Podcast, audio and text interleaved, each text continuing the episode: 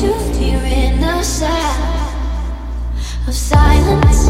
Your lips have been silent.